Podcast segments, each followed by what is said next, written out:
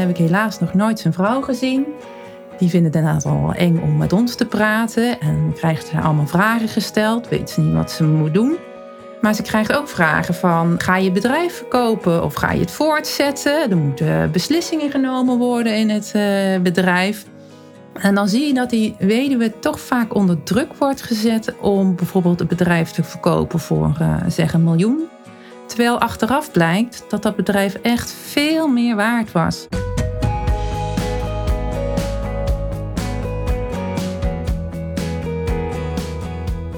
Partner overlijdt. Hoe ga jij nu verder? Via contact met lotgenoten en in samenwerking met onze partners bieden we een luisterend oor en pakken wij problemen van nabestaanden aan. Wij leveren support voor jou na het verlies van je partner, ongeacht de vorm van je relatie of je seksuele voorkeur. In onze podcast Widow Talk praten we over ons verlies en interviewen we andere weduwen, weduwnaars en bedrijven die nabestaanden helpen hun leven weer op orde te krijgen. Welkom, fijn dat je luistert.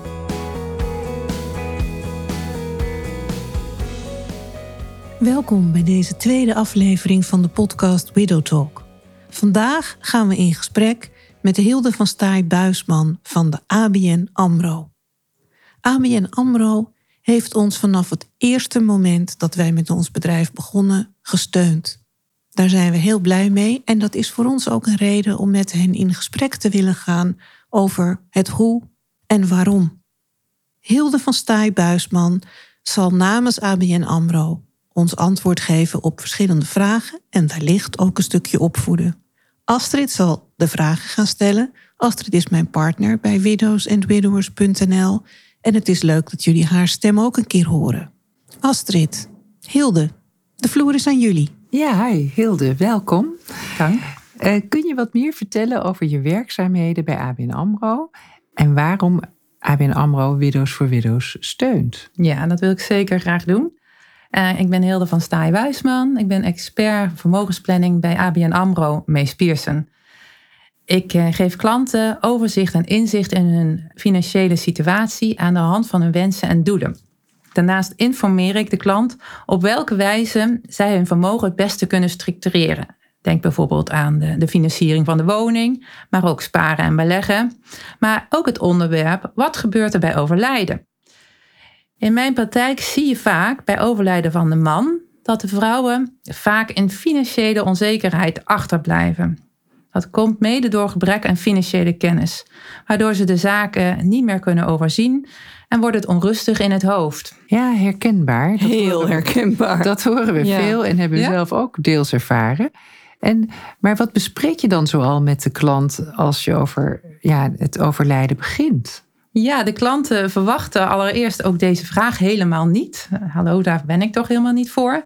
Maar als ze vervolgens doorpraten over het onderwerp, dan geeft de klant vaak toe dat ze niet precies weten wat er gebeurt bij overlijden. En dat ze toch echt het heel fijn vinden dat wij daarover het gesprek aangaan. Daarom vragen wij ook altijd aan de klant of de vrouw mee wil komen, zodat zij ook op de hoogte is van de financiële situatie.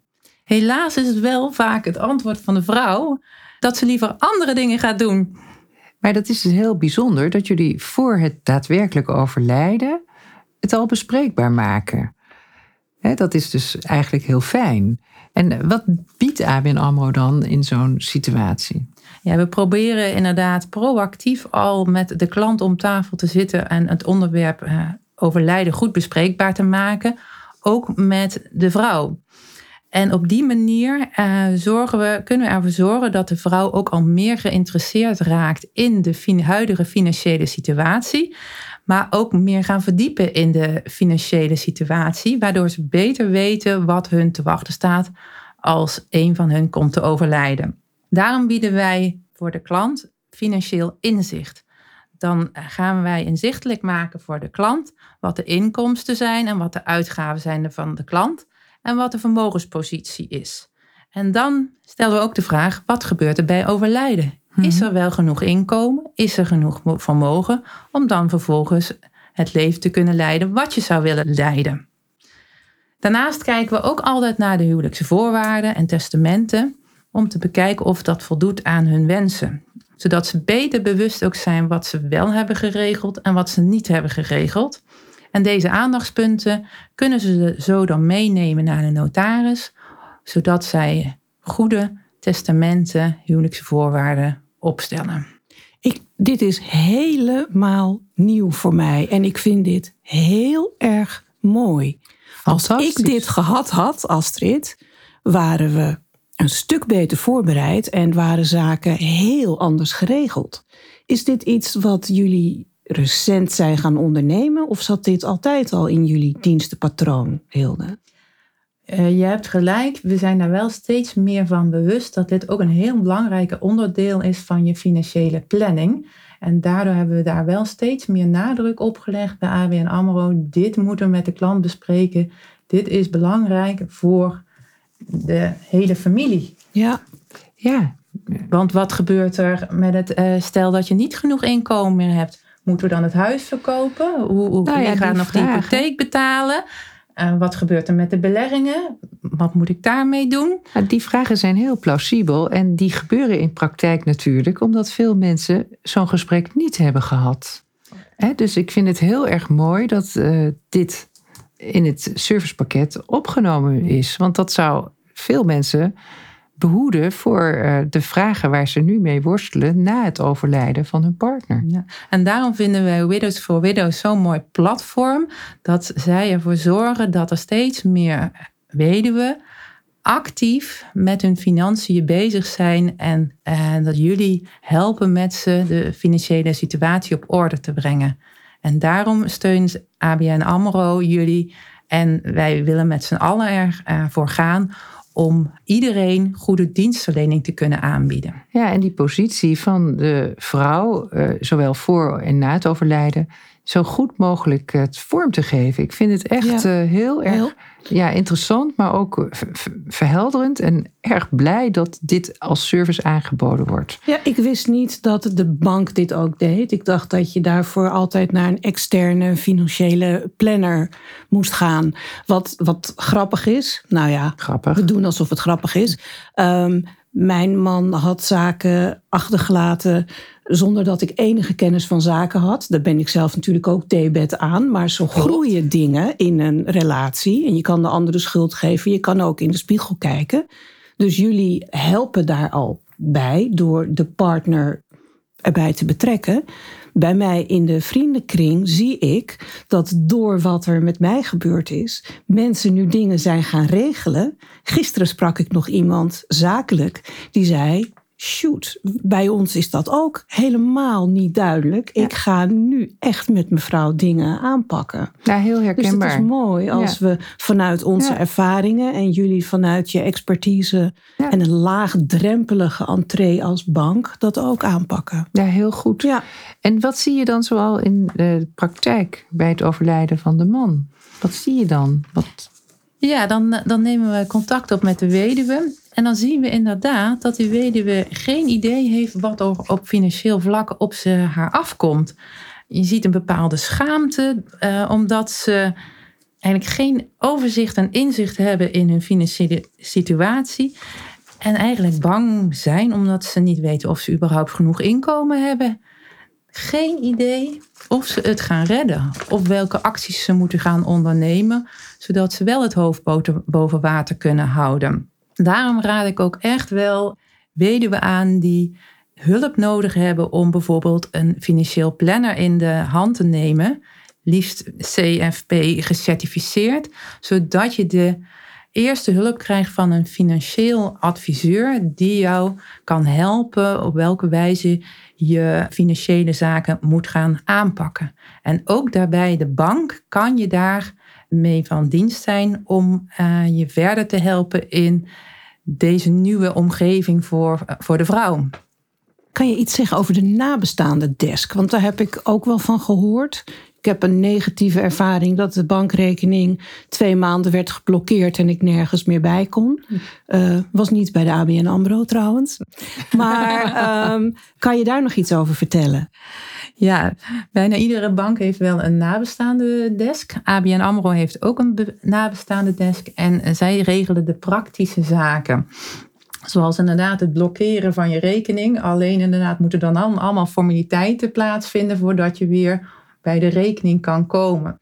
Dus uh, ik raad je ook wel aan om dat niet à la minuut te doen, om daar toch maar even mee te wachten. En eerst contact op te nemen met de desk zelf van wat is uh, slim om eerst, uh, welke stappen moet ik nu nemen.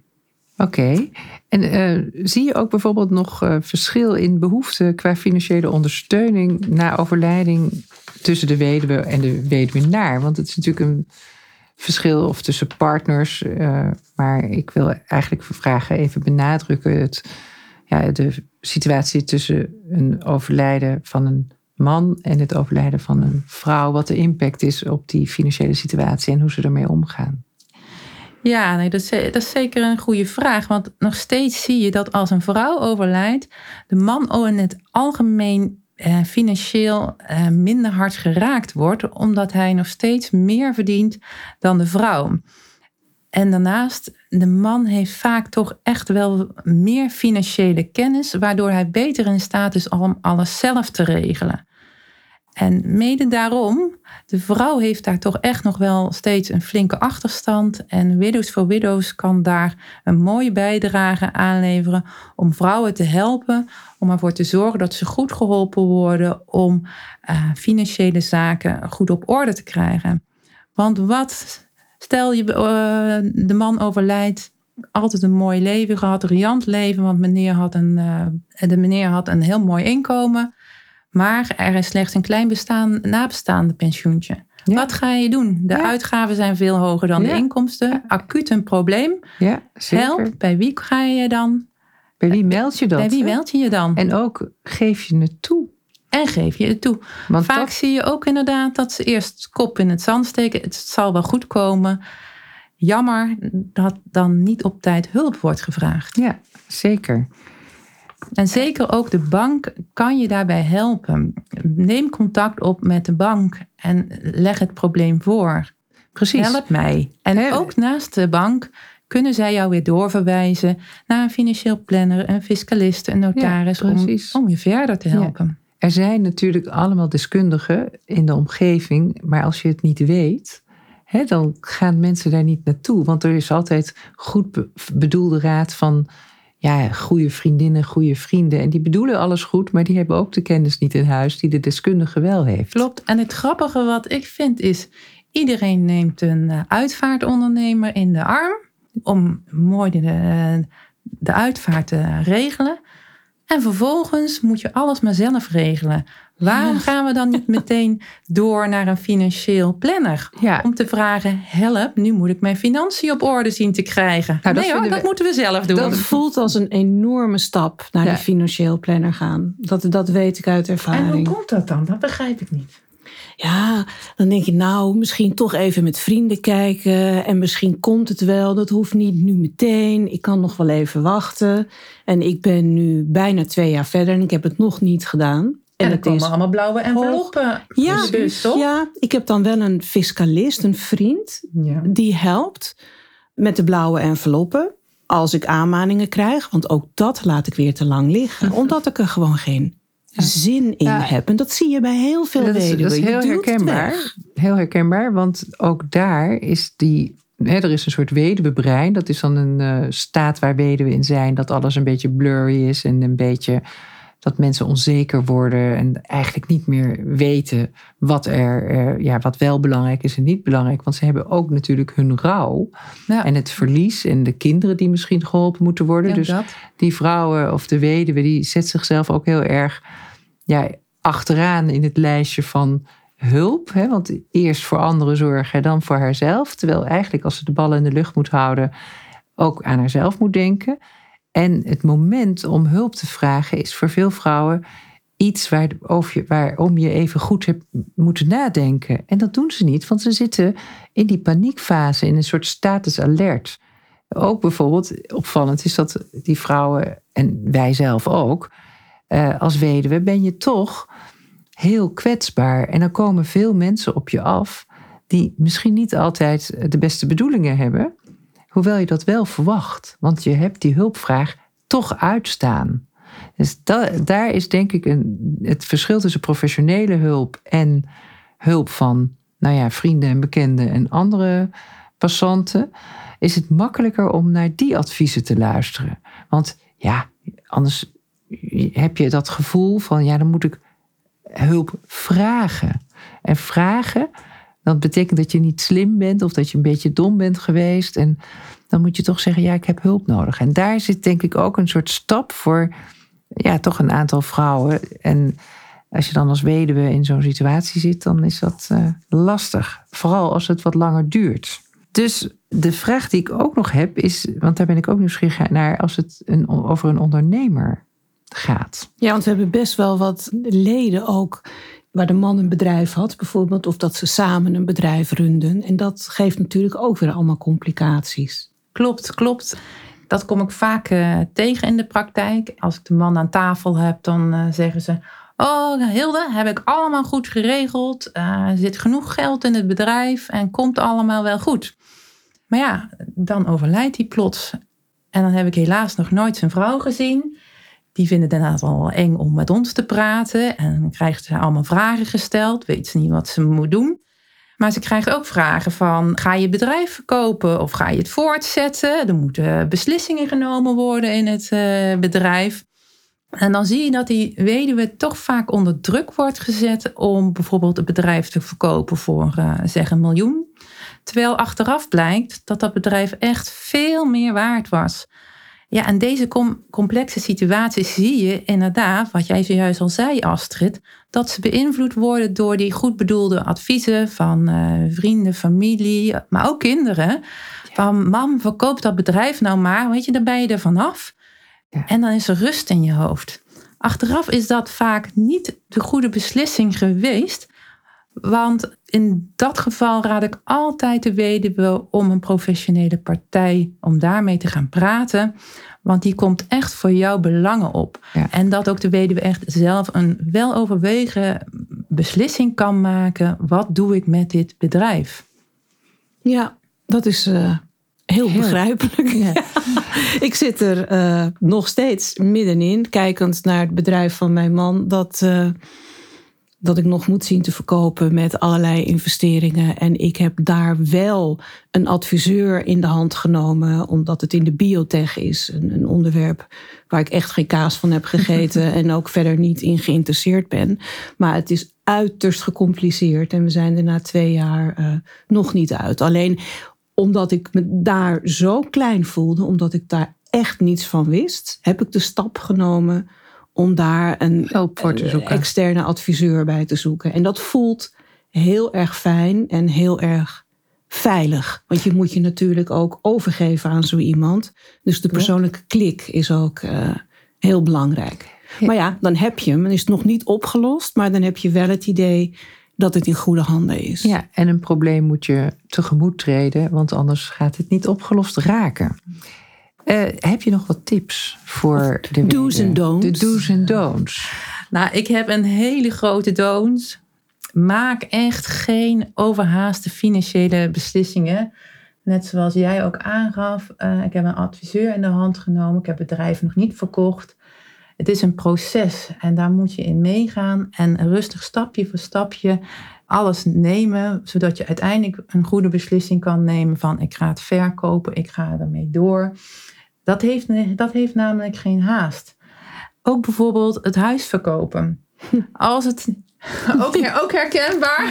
Helaas wel. ja, je bent ervaringsdeskundige, hè? Ja, je bent ervaringsdeskundige of niet, hè? Ja. ook daar, ja, denk daar goed over na. Ehm, ook daar geen, neem geen overhaaste beslissingen. Maar vooral wil ik het hebben over wat gaan we wel doen, de do's. Schaam je niet, zorg echt rust voor in je hoofd en zoek hulp voor je financiële zaken. Praat met je bank en geef aan wat jouw wensen zijn en doelen, zodat zij je weer verder kunnen helpen. Maar het belangrijkste is, zorg eerst voor financieel inzicht. Daardoor creëer je rust in je hoofd. Je weet wat de inkomsten zijn, je weet wat de uitgaven zijn en je weet wat je vermogen is. En daarna kan je pas grotere financiële beslissingen maken, zoals bijvoorbeeld je huis verkopen of het bedrijf verkopen. En wellicht misschien gaan investeren. Daarnaast wil ik tegen alle weduwen zeggen: ja, geloof in je eigen kracht. En, en weet ook dat je de financiële zaken echt gewoon zelf goed kunt regelen. Wij kunnen dat best. En uiteindelijk is het ook gewoon fun. Ja, inderdaad. Daar sluit ik graag mee af. Maar uh, ik heb geen verdere vragen. Nou, maar... ik ook niet. Ik denk dat we heel veel besproken hebben. En ik hoop dat het uh, nuttig is voor onze luisteraars. Ik vond het in ieder geval heel herkenbaar. En jij ook, Zeker. denk ik, Astrid. En ik heb nieuwe dingen geleerd over services die een bank kan bieden. En ABN AMRO in ieder geval doet. En dat vind ik heel mooi. Dus, concluderend kan ik zeggen... Astrid en ik bedanken jou, Hilde, heel hartelijk voor je bijdrage aan deze podcast en ABN AMRO voor hun support. Dit smaakt naar meer en er gaan er zeker meer komen, dus stay tuned. Dank voor het luisteren naar deze aflevering van Widow Talk.